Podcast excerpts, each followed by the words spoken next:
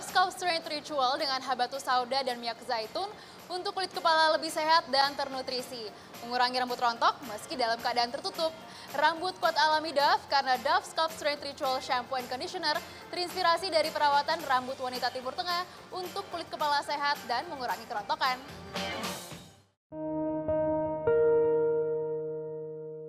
Assalamualaikum warahmatullahi wabarakatuh. Senang sekali rasanya Syihab dan Syihab bisa kembali hadir di Narasi.tv teman-teman. Uh, hari ini kita akan berdiskusi bukan hanya dengan Abi Quraish Syihab tetapi juga dengan salah seorang sahabat baik saya. Saya sudah kenal sudah cukup lama dan uh, kami sering berdiskusi soal berbagai hal. Hari ini spesifiknya kita akan berdiskusi soal keragaman kehendak Allah. Keragaman itu kehendak Tuhan. Um, Sebelum kita menunggu Abi Kures, jadi teman-teman saat ini posisi Abi sedang dalam perjalanan menuju PSQ. Saat ini saya berada di Pusat Studi Al-Quran di kawasan Pondok Cabe. Dan sebelum kami menunggu Abi yang sedang dalam perjalanan, saya ingin mengajak teman-teman untuk berbincang dengan sahabat baik saya. Kita sambut kakak Glenn Fredly. Kakak Glenn apa kabar? Assalamualaikum. Waalaikumsalam. Saya agak pangling loh lihat Kak Glenn pakai peci, pakai Tadi saya pikir ya? santri dari mana gitu. Ganteng banget ya. Pangling, ini tapi sebetulnya pakaian yang biasa atau gimana Kak Glenn? Kayaknya nggak eh, canggung uh, makainya. Ini ini sih sebagai apa ya? Saya saya senang banget karena apa kopiah ini kan simbol keindonesiaan. Iya, keindonesiaan gitu. Dan saya pikir ya ini bagian yang yang nggak bisa dipisahkan gitu. Saya sebagai saya orang Indonesia gitu untuk melihat bahwa simbol ini menjadi kebanggaan gitu dan bisa dipakai di, oleh siapa pun gitu dan saya bangga gitu menggunakan kopiah ini. Saya bangga ngelihat Kak Glenn pakai kopiah. Kak Glenn tapi uh, masuk masjid bukan kali pertama berkali-kali bahkan selama yeah. tiga tahun berturut-turut yeah. ada acara jazz di uh, Cut Mutia. Cut Mutia, iya. Selama bulan Ramadan. Yes, saya bersyukur banget karena jadi saya diundang tahun ketiga kalinya gitu ya. Saya hadir di tengah-tengah saudara uh, muslim saya untuk uh, ya berbagi gitu. Maksudnya di pelataran Cutmutia gitu uh, di Masjid Cutmutia dan uh, banyak musisi-musisi yang merayakan di situ. Dan saya ngelihatnya itu adalah sebagai simbol semangat keberagaman gitu. Dan merayakan kita yang yang hidup dalam yang tadi karena Nabi bilang keragaman itu adalah rahmat gitu. Itu itu gambaran bahwa ya, Tuhan itu maha besar gitu. Kali ketiga, mudah-mudahan nanti berikutnya kita bisa bikin jazz Ramadan juga di pusat studi Al-Quran. Amin, amin. Karena Kalian juga mau hadir dong? Dengan senang hati. Dengan senang hati. Senang Karena rumah nggak terlalu jauh dari sini kan? Iya, dekat. dekat rumah, rumah dekat ya. dengan sini. Kak Glenn, ya. pengalaman berinteraksi, pengalaman Kak Glenn melihat semangat toleransi di tanah air, apa yang bisa di-share? Saya besar dengan uh, dengan semangat itu gitu kan. Artinya saya berangkat dari saya lahir besar di Jakarta dan uh, kakek saya, oma saya, nenek saya ya sudah mengajarkan keberagaman itu dari hal hal yang yang sangat uh, apa ya berhubungan dengan identitas gitu ya. Saya datang dari uh, garis turunan orang Maluku gitu dan di di Maluku. Orang tua asli ya, Maluku. Oma, opa, semua papa, mama, ayah, ibu itu asli Maluku. Dan setiap kali bicara keberagaman itu itu sudah diajarkan saya dari kecil gitu. Artinya uh, di dalam konteks uh, orang Maluku uh, hubungan pela gandong saudara itu itu adalah hal yang yang yang ter, terlihat di dalam lingkaran keluarga saya dan keluarga saya memang latar belakangnya berbeda-beda gitu. Maksudnya ya agama berbeda, ada yang berbeda gitu dan uh, yang paling menarik adalah selalu kakek saya mengajarkan kalau saudara saya yang datang muslim itu hadir gitu di rumah gitu. Itu dari kecil saya selalu dibilang bahwa bukan disebut agamanya karena langsung dibilang itu saudara kamu. Pela itu gandong, gandong itu saudara gitu. Dan itu yang menempel. Ella itu artinya? Ya, so, uh, saudara. Saudara. Ya, gandong ya, gandong. Ya, disebutnya gandong itu saudara gitu. Jadi saya dari kecil sudah diajarkan kayak begitu gitu bahwa jadi tidak ditanya dulu latar belakangnya. Nah, nah, nah, Pokoknya nah. yang datang itu ya, saudara. Begitu datang langsung di, di, dikasih tahu itu saudara kamu gitu. Itu gandong kamu dan itu yang menempel membekas sama saya gitu sampai uh, kita tahu bagaimana uh, apa apa yang pernah terjadi di Maluku itu sendiri dan itu juga akhirnya buat orang Maluku kami merasa bahwa identitas kami sebagai hubungan saudara itu harusnya tidak terpecahkan cuma karena berbeda agama itu tadi gitu kan dan lewat musik sesungguhnya. Teman-teman jadi Kak Glenn Fredly banyak sekali melakukan, ini kalau dibilang aktivis musik, inilah aktivis musik. Uh, dan sekarang sedang juga dalam perjuangan untuk menjadikan Ambon sebagai kota musik pertama di dunia. Ya di Asia pas di Asia Tenggara sih kan Asia Asia Tenggara ini sudah tahun ke kedua. Ya dan uh, memang ini inisiatif besar dari pemerintah kota maupun pemerintah daerah dan juga saya pikir uh, patut didukung karena memang uh, uh, apa secara historical background masyarakatnya musik itu jadi keseharian gitu. Jadi Dan memang bisa melunturkan berbagai perbedaan. Itu terbukti kan anak karena di sana kayak misalnya gereja ada mau ada kegiatan itu saya menyaksikan sendiri bagaimana di negeri ibu saya gitu kita nyebutnya bukan kampung negeri ya ada satu nama negeri Hulaliu gitu rumah ibadah kayak gereja itu dibangun, semua bahan bakunya itu datang dari saudara-saudara negeri muslim. Sampai diresmikan. Itu harus dihadiri oleh saudara yang muslim gitu. Dan itu saya saksikan sendiri dan bagaimana juga hidup orang saudara itu terjadi gitu. Pada saat uh, mereka berbagi bahkan mengantar satu dengan yang lain atau misalnya ada kegiatan apalagi kayak sekarang gitu ya musim di, di tengah puasa sebegini, ya pastinya itu satu dengan yang lain pasti hidupnya ya seperti orang saudara itu yang tadi aku bilang dari awal karena itu ditunjukkan dari bukan karena rutinitas, bukan atau bukan karena tapi memang itulah gaya hidup. Agama dijadikan sebagai gaya hidup gitu untuk berbagi, merayakan keberagaman dan itu saya dapatkan langsung di sana dan saya bisa lihat sendiri apa yang terjadi sampai hari ini. Adakah keresahan yang sekarang dirasakan? Adakah nilai-nilai yang mungkin dirasa uh, mulai bergeser dan itu meresahkan Kak Glenn? Saya pikir ini ini jadi tanggung jawab bersama. Pada akhirnya keberagaman itu bicara tentang bagaimana kita menghargai manusia, kemanusiaan itu sendiri gitu. Karena saya percaya bahwa itu tadi karena Nana bilang bahwa rahmat ya, keberagaman itu adalah rahmat yang yang kita sebagai manusia kadang-kadang memikirkan kok bisa ini terjadi semua gitu. Tapi ya itulah kebesaran Tuhan yang yang yang kita nggak bisa apa ingkari gitu bahwa uh, keberagaman itu adalah hal yang mutlak prerogatifnya yang Tuhan sudah kasih buat kita untuk kita rayakan. Dan dan menurut saya uh, keresahan itu ya bukan keresahan sih sebenarnya karena ini ini jadi tanggung jawab bersama kolektif gitu bagi semua uh, khususnya anak, anak muda yang melihat bahwa masa depan Indonesia ini adalah uh, atau sebuah bangsa negara yang sudah digariskan gitu dari dari Papua sampai ke Aceh itu memang sudah penuh dengan keberagaman yang luar biasa gitu dan itu yang harus kita rayakan bersama-sama.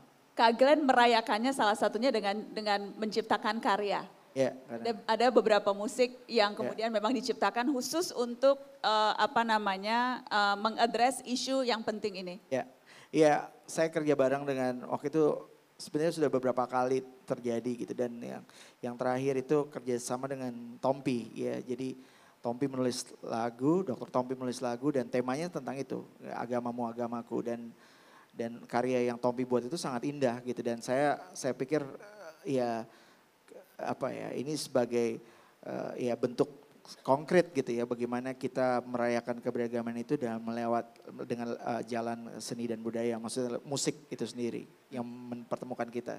Dan itu rasanya yang perlu dilakukan. Jadi kita karena uh, saya percaya toleransi itu memang harus dipraktekkan. Betul. Gak bisa sebatas dibaca atau diajarkan, harus berada dalam situasi di mana ya, ya. kenal dengan banyak orang, ya. bertemu dengan banyak orang, ya. dan kemudian belajar bertenggang rasa ya. lewat hubungan yang dibina dengan banyak orang. Pastinya ya saya meyakini bahwa apalagi generasi hari ini gitu ya, anak, -anak muda hari ini yang bisa dibilang uh, sudah terhubung gitu ke mana pun gitu. Artinya lewat teknologi mempertemukan kita dengan teman-teman yang ada di belahan dunia mana pun gitu. Dan Indonesia hari ini sebagai negara yang bisa dibilang uh, negara demokrasi terbesar di dunia salah satu dan negara dengan penduduk Islam terbesar di dunia dan Indonesia itu menjadi acuan gitu untuk konteks perdamaian. Ya.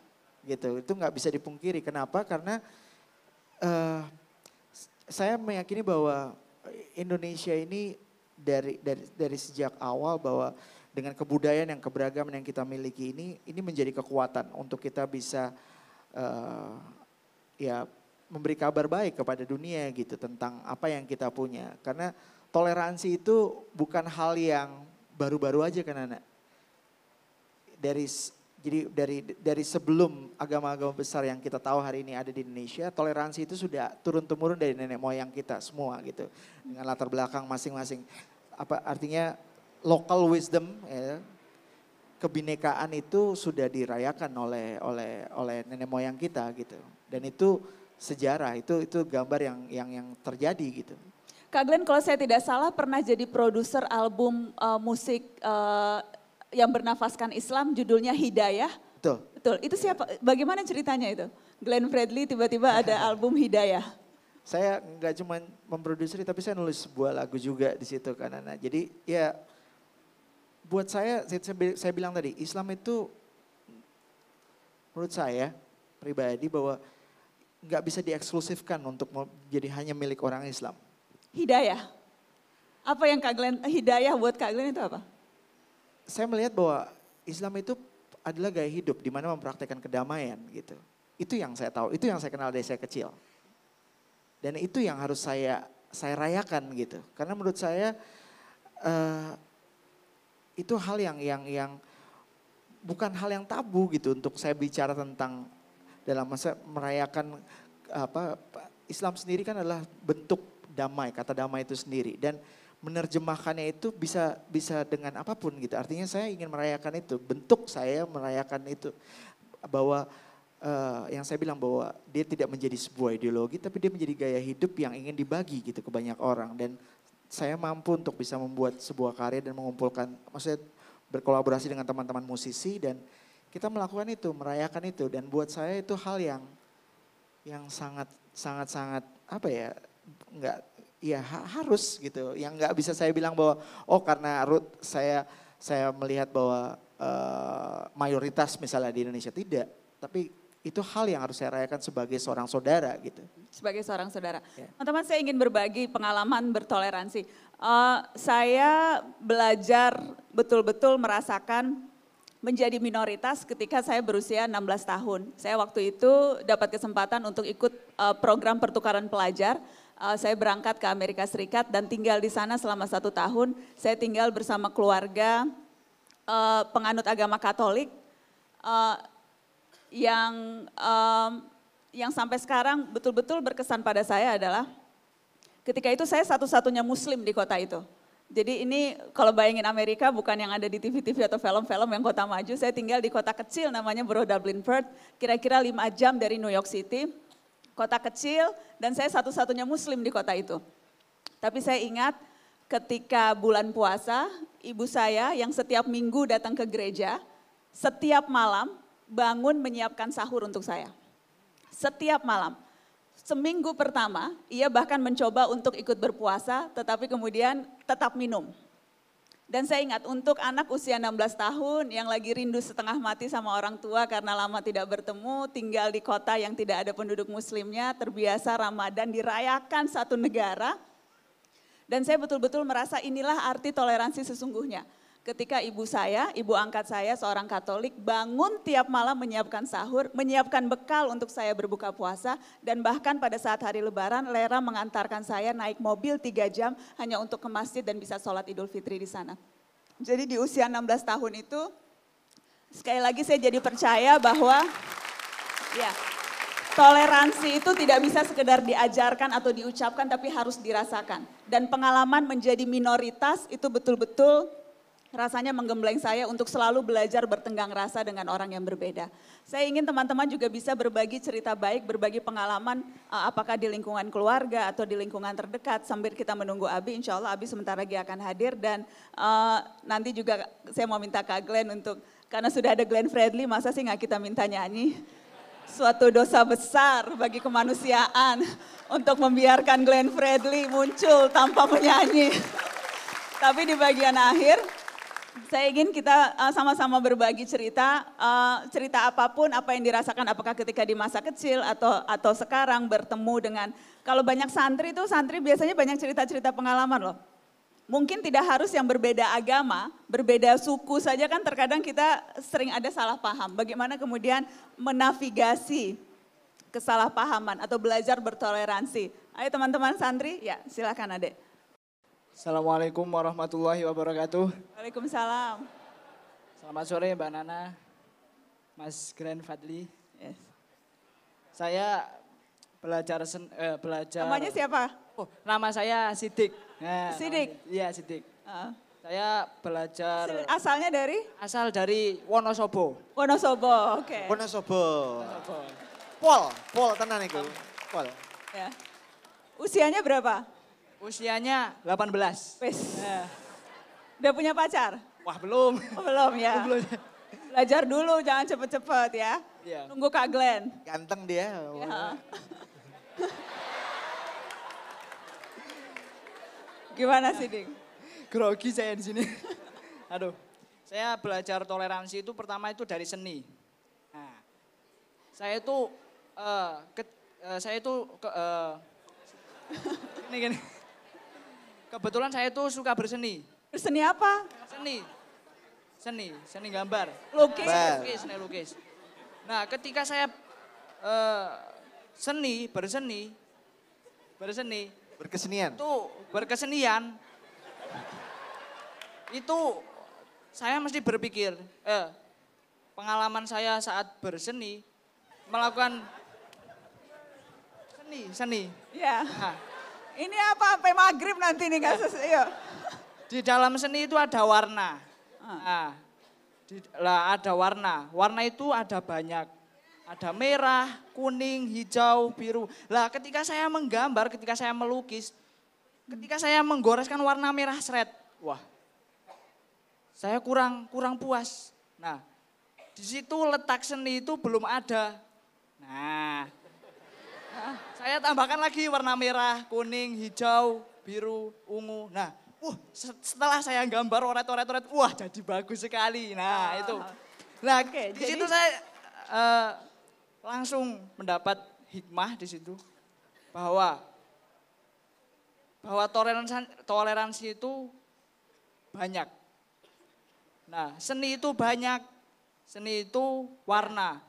Kalau salah satu warna nggak ada, itu kurang nyeni, Ah. kurang indah. Nah, sama aja dengan perbedaan.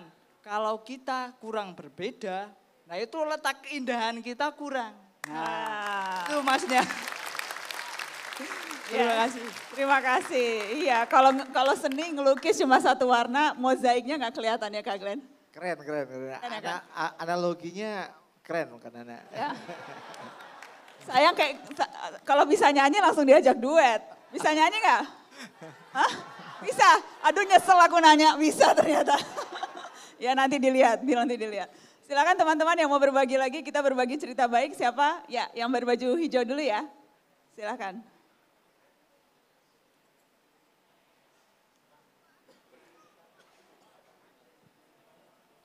Oke. Ada boleh dibantu? Ya. Assalamualaikum warahmatullahi wabarakatuh. Waalaikumsalam. Eh, saya Isna dari IPB, asalnya dari Tegal. Eh, jadi saya ngerasa eh, ketika apa ya, ketika menjadi mahasiswa itu toleransi itu begitu terlihat gitu. Kalau dari desa itu kan rata-rata itu seragam ya gitu. Satu desa itu agamanya sama, sukunya sama gitu. Kemudian ketika saya menjadi mahasiswa berinteraksi dengan banyak suku dan banyak agama, eh, di situ saya kenal salah seorang kakak kelas.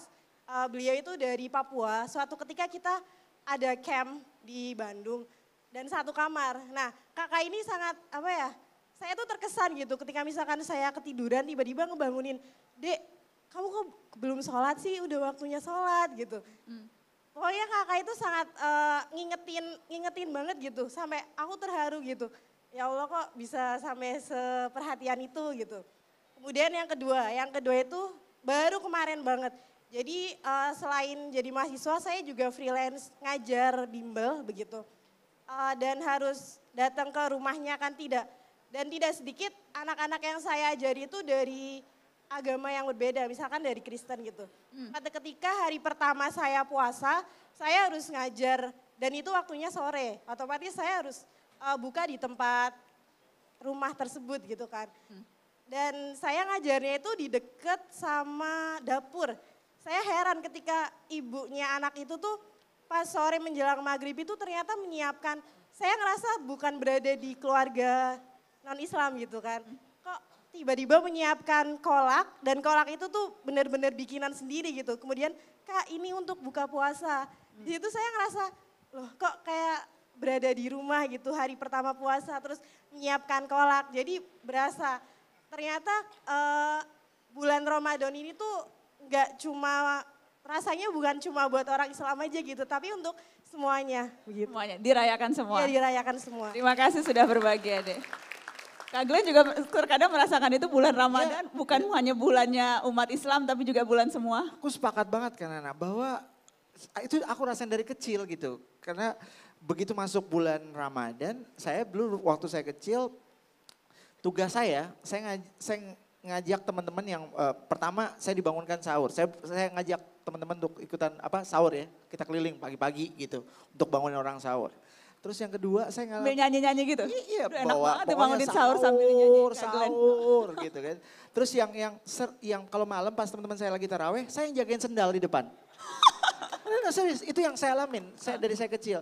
Jadi buat saya itu hal yang ya saya senang setiap kali sampai di bulan Ramadan saya nganggap bahwa pertama bukan hanya jajanan yang banyak gitu ya tapi ya saya merayakan itu tadi saya bilang ada ada ada kehidupan yang di mana budaya memaafkan belajar satu dengan yang lain menerima melihat keberagaman itu sebagai anugerah karena saya ngomong ini bukan karena saya depan teman tapi saya saya mengingat memori kecil saya gitu yang saya saya bilang saya lahir besar di Jakarta dan masa-masa itu indah buat saya gitu. Nggak bisa saya lupain dan sampai hari ini itu yang saya berharap bahwa keberagaman ini adalah hal yang yang apa ya bisa dibilang bahwa ini yang harus kita jaga sama-sama. Dan tantangan kita ke depan ini sebagai uh, apa kemanusiaan itu besar sekali. Karena kalau keberagaman ini kita jaga kita diperhadapkan dengan masalah yang sama.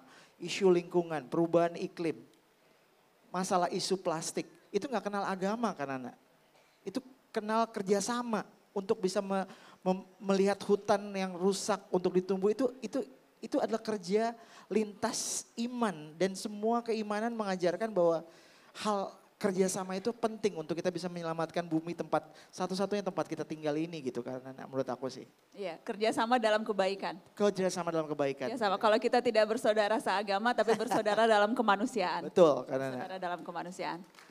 Baik.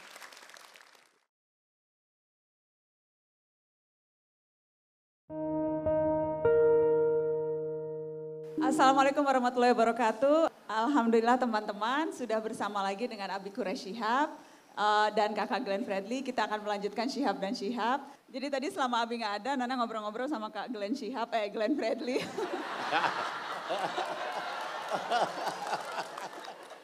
ya sudah sudah bisa Bi, jadi kita tambahin Glenn Fredly Shihab udah bisa Bi. Kita masukkan Shihab. Kita masukkan. Kita kita tadi bicara soal toleransi, Kak Glenn cerita pengalamannya ketika di uh, Maluku. Uh, karena kan topik kita hari ini bi soal bagaimana uh, keragaman itu kehendak Tuhan.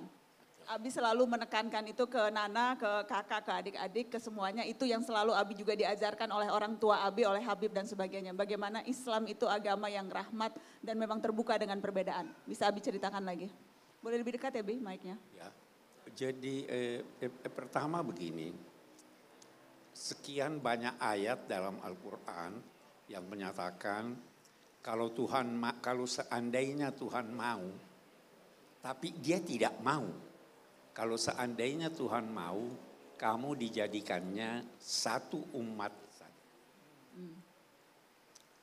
Ada lagi ayat yang menyatakan kalau seandainya Tuhan mau, Dia bisa menjadikan kamu satu umat, tetapi kalian selalu akan berbeda-beda.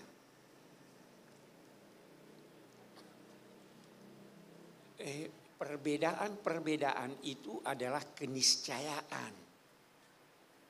Itu adalah rahmat Tuhan. Eh, mari kita lihat apa maksudnya ini. Eh, Tuhan menghendaki kita berbeda. Karena itu kita diberi kecenderungan yang berbeda-beda. Kita diberi akal yang berbeda-beda. Tuhan juga menyatakan bahwa setiap umat diberi syariat. Walikullin ja'alna minkum syir'atan wa minhaja. Maka berlomba-lombalah dalam kebaikan. Jadi keragaman itu keniscayaan dan kehendak Tuhan. Bahkan keragaman itu adalah rahmat buat kita. Bagaimana bisa jadi rahmat keragaman dan perbedaan itu? Tuhan juga berfirman begini. Nahnu qassamna bainahum ma'isyatahum. Kami yang membagi-bagi sumber dan pendapatan kehidupan mereka. Ada yang kaya, ada yang miskin. Gitu. Supaya kalian yang berbeda-beda ini bisa bantu membantu. Bisa dibayangkan kalau semua kaya, tidak ada yang akan angkatkan tas saya. Ya kan? Kalau semua miskin, tidak ada yang dapat membantu saya. Maka Tuhan jadikan itu beragam. Segalanya dalam hidup ini beragam. Bukan hanya sidik jari manusia yang beragam. Tetapi sebagian dari anggota tubuhnya itu tidak sama. Ya. Yang kembar pun tidak sama. Daun pun dari satu pohon daun yang A dengan daun B dari satu pohon pasti ada bedanya. Maka kita harus menerima perbedaan itu karena itu rahmat Kalau Anda tidak mau menerima perbedaan itu, itu berarti Anda menolak rahmat Tuhan. satu hal lagi yang saya ingin garis bawahi. Jangan anggap perbedaan itu otomatis jadi pertentangan. Perbedaan bukan otomatis pertentangan. Otomatis pertentangan. Saya berbeda dengan Glenn Shihab ini. Ada samanya kan? Saya sama-sama manusia. Tetapi wajahnya sudah beda. Eh, eh, eh, kecenderungannya beda. Eh, profesinya beda. Bahkan dua kalimat yang tersusun dengan kata-kata yang persis sama, itu pun bisa berbeda. Walaupun tidak harus bertentangan. Kalau saya berkata, mari saya berkata begini. Si A datang, yang satu berkata si A tidak datang. Beda enggak? Bertentangan enggak? Belum tentu itu pakar-pakar logika berkata ada delapan syarat yang harus terpenuhi baru dua kalimat yang sama itu dikatakan bertentangan. Terus saya berkata, si A datang. Yang ini berkata si A tidak datang, belum tentu bertentangan. Saya harus tanya dulu, A yang Anda maksud siapa? Datangnya kapan? Si A datang kemarin, A tidak datang sekarang, tidak bertentangan. Syaratnya, waktunya, tempatnya, eh, potensi dan eh, secara potensial atau telah wujud, saya bisa berkata, anak ini bisa menulis. Yang satu berkata, tidak, anak ini tidak bisa menulis. Itu belum tentu bertentangan. Anak ini bisa menulis dalam arti dia berpotensi untuk mampu menulis. Jadi jangan cepat-cepat mempertentangkan. Apalagi dalam bidang agama, bidang agama itu sangat sensitif. Kalau eh, bidang ilmu orang bisa bertengkar tanpa marah. Tapi agama menyentuh hati. Sangat mudah seorang ilmuwan mengubah pendapatan pendapat ilmiahnya. Tetapi sangat sulit seseorang mengubah keyakinannya. Jadi, nah ini yang Tuhan katakan. Kalian bisa berbeda-beda. Ada prinsip-prinsip yang diajarkan oleh Islam yang menjadikan kita dapat bertemu. Apa itu misalnya? Mari kita cari titik temu. Ta'alau ila kalimatin sawa'in bainana. Itu. Mari kita cari titik temu. Kalau kita bertemu, kita bekerja sama. Kalau kita tidak bertemu, silahkan lakukan apa yang Anda inginkan, lakukan apa yang Anda inginkan, tapi mari kita berlomba dalam kebaikan. Ya kan? Saya dengan eh, Muslim dengan eh, eh, yang berlainan agama. Mari kita bekerja sama. Membersihkan bersama jalan raya. Membersihkan selokan. Membantu anak yatim. Kita bisa bekerja sama di situ. Tapi kalau kita tidak bisa bekerja sama, kita berlombalah dalam kebaikan. Itu yang diajarkan oleh agama. Sehingga ya Pak, jangan melantur ya, jangan terlalu banyak. Oke. Enggak, enggak apa-apa, Bi. Senang kalau dengar cerita Abi, senang ya didengar dengar uh, mas, uh, apa namanya uh, berbagai masukannya Abi. Bi, kalau kita misalnya melihat contoh bagaimana Nabi memberikan teladan berhubungan dengan uh, orang yang berbeda agama dengan kita, apa yang bisa kita teladani dari Nabi? Oh, banyak sekali. Itu sangat populer kisah Nabi memberi makan seorang tua yang beragama Yahudi. Dibantu, dikasih. Bahkan, bahkan, mungkin tidak banyak yang tahu. Karena tidak sering diangkat. Pernah terjadi diskusi antara Nabi dengan serombongan orang-orang Nasrani dari Najran, perbatasan Saudi dengan Yaman tiba waktu sholat, waktu waktu eh, eh, apa namanya waktu eh, kebaktian. Nabi berkata, silahkan di masjid saya.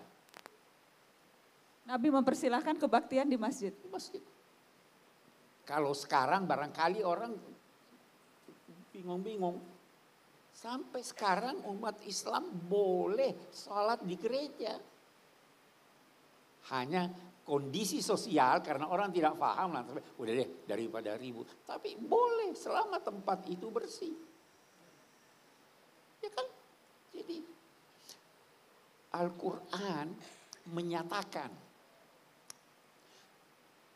walau la daf'ullahi nas ba'duhum bi ba'din lahuddimat sawami' wa bi'un wa salawatun wa masajid yuzkaru fiha kalau Tuhan tidak mengizinkan sekelompok orang yang teraniaya untuk membela diri, maka akan dirubuhkan masjid-masjid, biara-biara, gereja-gereja, sinagog-sinagog, di mana di tempat-tempat itu nama Tuhan disebut. Kita bertemu pada ketuhanan yang Maha Esa. Jadi harus dijaga itu, harus dipelihara itu. Sewaktu rombongan ini pulang, diskusi menyangkut akidah tidak ketemu. Ya kan? Kepercayaan umat Kristiani menyangkut Tuhan beda dalam sifat-sifatnya menyangkut ini. Tapi itu tidak menghalangi Nabi menulis perjanjian. Menjanjikan bahwa kalian akan saya bela sebagaimana saya membela keluarga dekat saya. Nabi berpesan bahwa kalau seandainya eh, dan pesan ini berlaku untuk rombongan dan semua orang Nasrani sampai akhir zaman. Di teksnya itu bisa dilihat di Google. Teksnya itu berkata apa? Kalau umat Kristiani membutuhkan sesuatu untuk kebutuhan agama mereka atau ingin merenovasi gereja-gereja mereka, hendaklah mereka dibantu bukan berupa hutang, tapi pemberian. Ada itu. Kalau seandainya eh, ada seorang muslim yang ingin menikahi seorang wanita Nasrania, maka dia boleh menikahinya dengan syarat tidak memaksanya dan dengan syarat harus seizin keluarganya. Dan kalau dia telah menikah, maka tidak boleh diganggu gugat ajaran agamanya.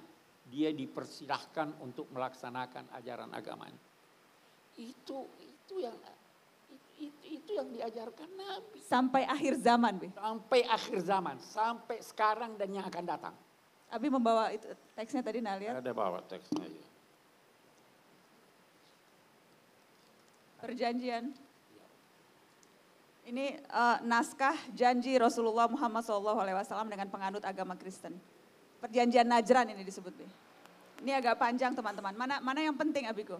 Yang penting ini tadi sebagian. Ya. Buat para penganut agama Nasrani, bila mereka memerlukan sesuatu untuk perbaikan tempat ibadah mereka atau satu kepentingan mereka dan agama mereka, bila mereka membutuhkan bantuan dari kaum muslimin, maka hendaklah mereka dibantu dan bantuan itu bukan merupakan hutang yang dibebankan kepada mereka, tetapi dukungan kepada mereka dan anugerah dari Allah dan Rasulnya buat mereka. Tidak boleh seorang Nasrani dipaksa untuk memeluk agama Islam mereka hendaknya diberi perlindungan berupa kasih sayang dan dicegah segala yang buruk yang dapat menimpa mereka kapan pun dan di mana pun. Demikian janji Rasulullah Muhammad SAW sampai akhir zaman. Ketika di suatu ketika ada penguasa Muslim yang membangun masjid dia ingin perluas. Di sampingnya ada gereja. Sang penguasa ambil tanah gereja itu dia bangun untuk memperluas masjid. Pada masa Umar ibnu Abdul Aziz, orang-orang Nasrani keberatan. Beliau memerintahkan kembalikan tanah itu untuk dibangun kembali gereja. Itu 1500 tahun yang lalu. Jadi hubungan itu akrab, sangat akrab. Kita belum bicara bagaimana waktu kaum muslimin tertindas. Mereka minta perlindungan ke mana? Ke Ethiopia, ke Habasha. Dilindungi oleh penguasa Kristen. Kita belum berbicara tentang, eh, karena begini, saya tidak mau panjang-panjang. Agama itu, semua agama mengajarkan persaudaraan sekemanusiaan. Semua agama. Sayyidina Ali berkata, jika engkau bertemu seseorang, maka kalau dia bukan saudaramu seagama, dia adalah saudaramu sekemanusiaan. Saudara sekemanusiaan. Kita sama-sama manusia. Ya. Allah berfirman, eh, eh, kami menciptakan kamu dari seorang lelaki dan seorang perempuan. Semua percaya itu, Adam dan Hawa. Kemudian kami jadikan kamu berbangsa-bangsa, bersuku-suku, agar supaya kamu saling mengenal. Lita'arafu. Yang paling mulia di antara kamu orang yang paling bertakwa kepada Tuhan. Mengenal. Kalau Anda mengenal seseorang, maka pengenalan ini harus mengantar Anda kepada pengakuan orang nih di depan saya. Anda bersyahadat, itu tidak sah syahadat Anda kecuali kalau disaksikan orang. Ya, ya kan?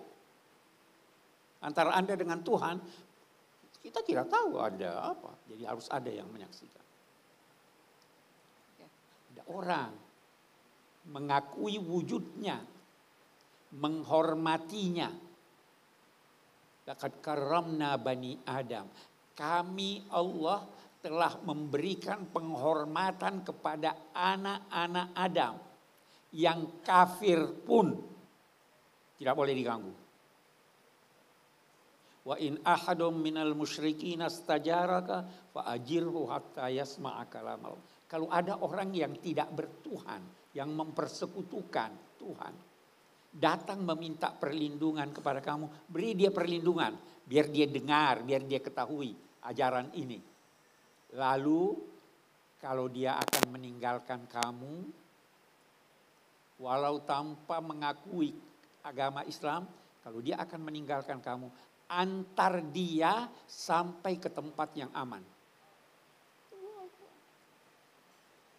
Orang yang paling dekat persahabatannya kepada umat Islam, kata Al-Quran, itu orang-orang Nasrani. La tajidanna asyaddan nasi adawatan lilladina amanu alladzina asyraku al-yahud walladzina asyraku wala tajidanna aqrabahum mawaddah lilladzina amanu alladzina qalu inna nasara. Zalika. Kenapa itu? Di sana ada pendeta-pendeta. Ada rahib-rahib dan mereka tidak menyombongkan diri. Itu itu yang terjadi pada masa Nabi. Ya. Ya? Oke. Kak Glenn ada yang mau di, ditanyakan, disampaikan ke Abi? Saya speechless karena Eh, Abi, eh, saya bersyukur sekali saya ada di sini Abi, karena saya merasa ini hidayah, ini gambaran bahwa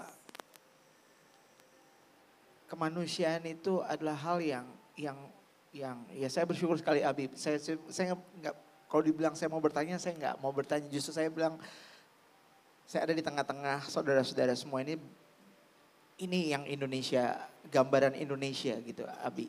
Ini gambaran bagaimana generasi hari ini ke depan karena tantangan kita ke depan itu sama masalah isu lingkungan hidup perubahan iklim dan segala macam dan kerjasama itu dibutuhkan ke depan pastinya Abi. Dan itu sebenarnya terdapat dalam budaya bangsa kita di Maluku Pela ya. Ya betul betul Abi. Silakan, Tadi saya sudah cerita juga tadi. Cerita Pelagadong tadi. Ya, Ya. di mana-mana begitu. Orang yang beragama itu ramah. Tidak tidak membenci. Orang yang beragama itu menemukan sisi positif pada hal pada sesuatu yang buruk. Nabi Isa alaihissalam berjalan dengan sahabat-sahabat beliau ada anjing, bangkai anjing. Menusuk aromanya. Apa kata Nabi Isa? Coba lihat giginya putih sekali. ya. Ditemukan sesuatu yang indah pada hal yang buruk. Orang picik itu mencari yang buruk pada yang benar. Orang bijak mencari yang benar pada hal yang buruk. Agama, semua agama begitu. Semua mengajarkan itu, mengajarkan kemanusiaan. Semua kalau Anda bersalah, saya bisa melakukan kesalahan lebih buruk dari kesalahan Anda. Harus kita sadari begitu. Nah, dari sini lantas datang dalam agama itu anjuran untuk membantu dalam Islam sedekah, zakat dan kemanusiaan. Abiku bahwa sekarang terasa nilai-nilai itu mungkin saja berpudar. Apa yang bisa kita lakukan untuk mengembalikan karena bahkan 1500 tahun yang lalu pun itu sudah diajarkan. Eh, eh, eh, iya. Kita kita hendaknya kembali menyadarkan masyarakat kita. Kita eh, kalau saya bicara tentang umat Islam, eh, itu ada seorang pakar di Mesir menulis buku kecil tapi menimbulkan tanggapan yang sangat positif dan diakui kebenarannya. Dia katakan umat Islam berada di tengah bodohan umatnya dan ketidakmampuan ulama. Umat bodoh, ulama tidak mampu untuk ini. Al-Islam baina eh, eh, eh, jahli ummatihi wa ajzi ulamaihi. Jadi kita harus ini kita harus tingkatkan. Saya selalu berkata berdakwah itu Suksesnya bukan tepuk tangan, bukan ratap tangis. Bukan itu tanda sukses. Bertambahnya pengetahuan Anda dan bertambahnya kesadaran beragama Anda. Itu baru berhasil. Kalau ilmunya tidak nambah, apalagi kalau salah-salah, kesadaran tidak tambah, itu tidak sukses itu. Ya, jadi itu yang harus kita lakukan. Itu yang harus dilakukan. Eh, terus menumbuhkan kesadaran beragama. Menumbuhkan kesadaran beragama dan kesadaran kemanusiaan. Saya berulang-ulang berkata, kemanusiaan mendahului keberagamaan. Kemanusiaan mendahului keberagamaan. Saya mau beri contoh. Anda mau pergi haji. Oke. Uangnya tidak cukup kalau Anda pergi sedang keluarga Anda tidak memiliki kemampuan untuk hidup. Wajib haji atau tidak? Saya beri contoh yang lebih ekstrim. Anda mau berwudu, ada air. Ada anjing kehausan. Kalau Anda berwudu, anjingnya tidak minum. Yang mana yang Anda harus dahulukan? Kasih anjing. Ini sudah ulama semua yang di depan kita. Ya, kasih anjing mencintai anjing itu adalah bagian dari kemanusiaan. Jangan anggap kemanusiaan itu hanya terhadap manusia. Lingkungan kita. Itu agama seperti itu. Nabi membatalkan umrahnya demi terciptanya perdamaian. Tidak usah pergi umrah. Kita yang perlu damai. Ke, kemanusiaan mendahului keberagamaan. Oke. Terima kasih Abiku. Kakak Glenn terima kasih sudah. Tadi tadi ada kucing lewat-lewat tapi karena itu tadi kemanusiaan tadi termasuk juga kucing-kucing yang lucu juga ikut mendengarkan. Namanya seorang wanita masuk ke neraka karena tidak karena mengurung kucing tidak memberinya makan atau tidak melepaskannya agar mencari makan sendiri. Hmm. Seorang bergelimang dosa masuk sorga karena memberi minum seekor anjing yang kehausan. Itu kan Subhanallah. begitu. Jadi ada begitu banyak cara untuk berbuat baik ya Bi? Banyak sekali. Untuk mendapat pahala, mendapat rahmat. Paling tidak okay. senyum. Kalau tidak dapat bersedekah, senyumlah Jangan jangan cemberut. Jangan cemberut. Jangan suka galau ya, Bi. Ah. Tersenyum terutama kalau dengar-dengar lagu-lagu Kakak Glenn, Bi. Oh iya. Ah, itu kita biasanya selalu tersenyum. Walaupun lagu galau juga nggak bisa kalau nggak senyum Kak Glenn. Kak Glenn boleh nggak? Apa kan Nana? Minta lagu boleh nggak? Oh, boleh, boleh dong kan Nana. Boleh, boleh ya, banget. kita dengar lagu Kak Glenn ya. Boleh, Bagi boleh. penutup Syihab dan Syihab.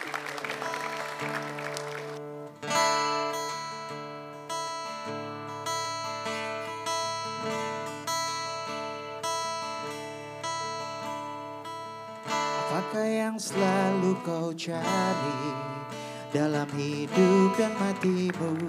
Setiap hembusan nafasmu, tak cukupkan nikmati lahi yang mengalir di setiap nafasmu, samudra jiwamu. Tak pernah berhenti. Nikmat Tuhan yang mana sanggup engkau ingkari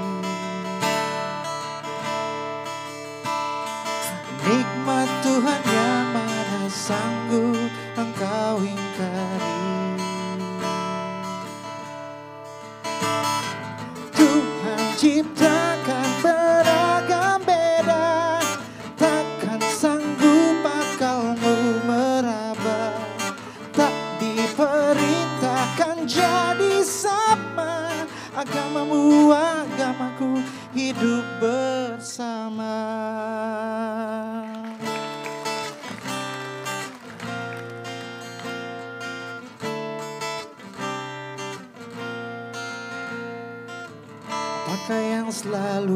cari dalam hidup dan matimu.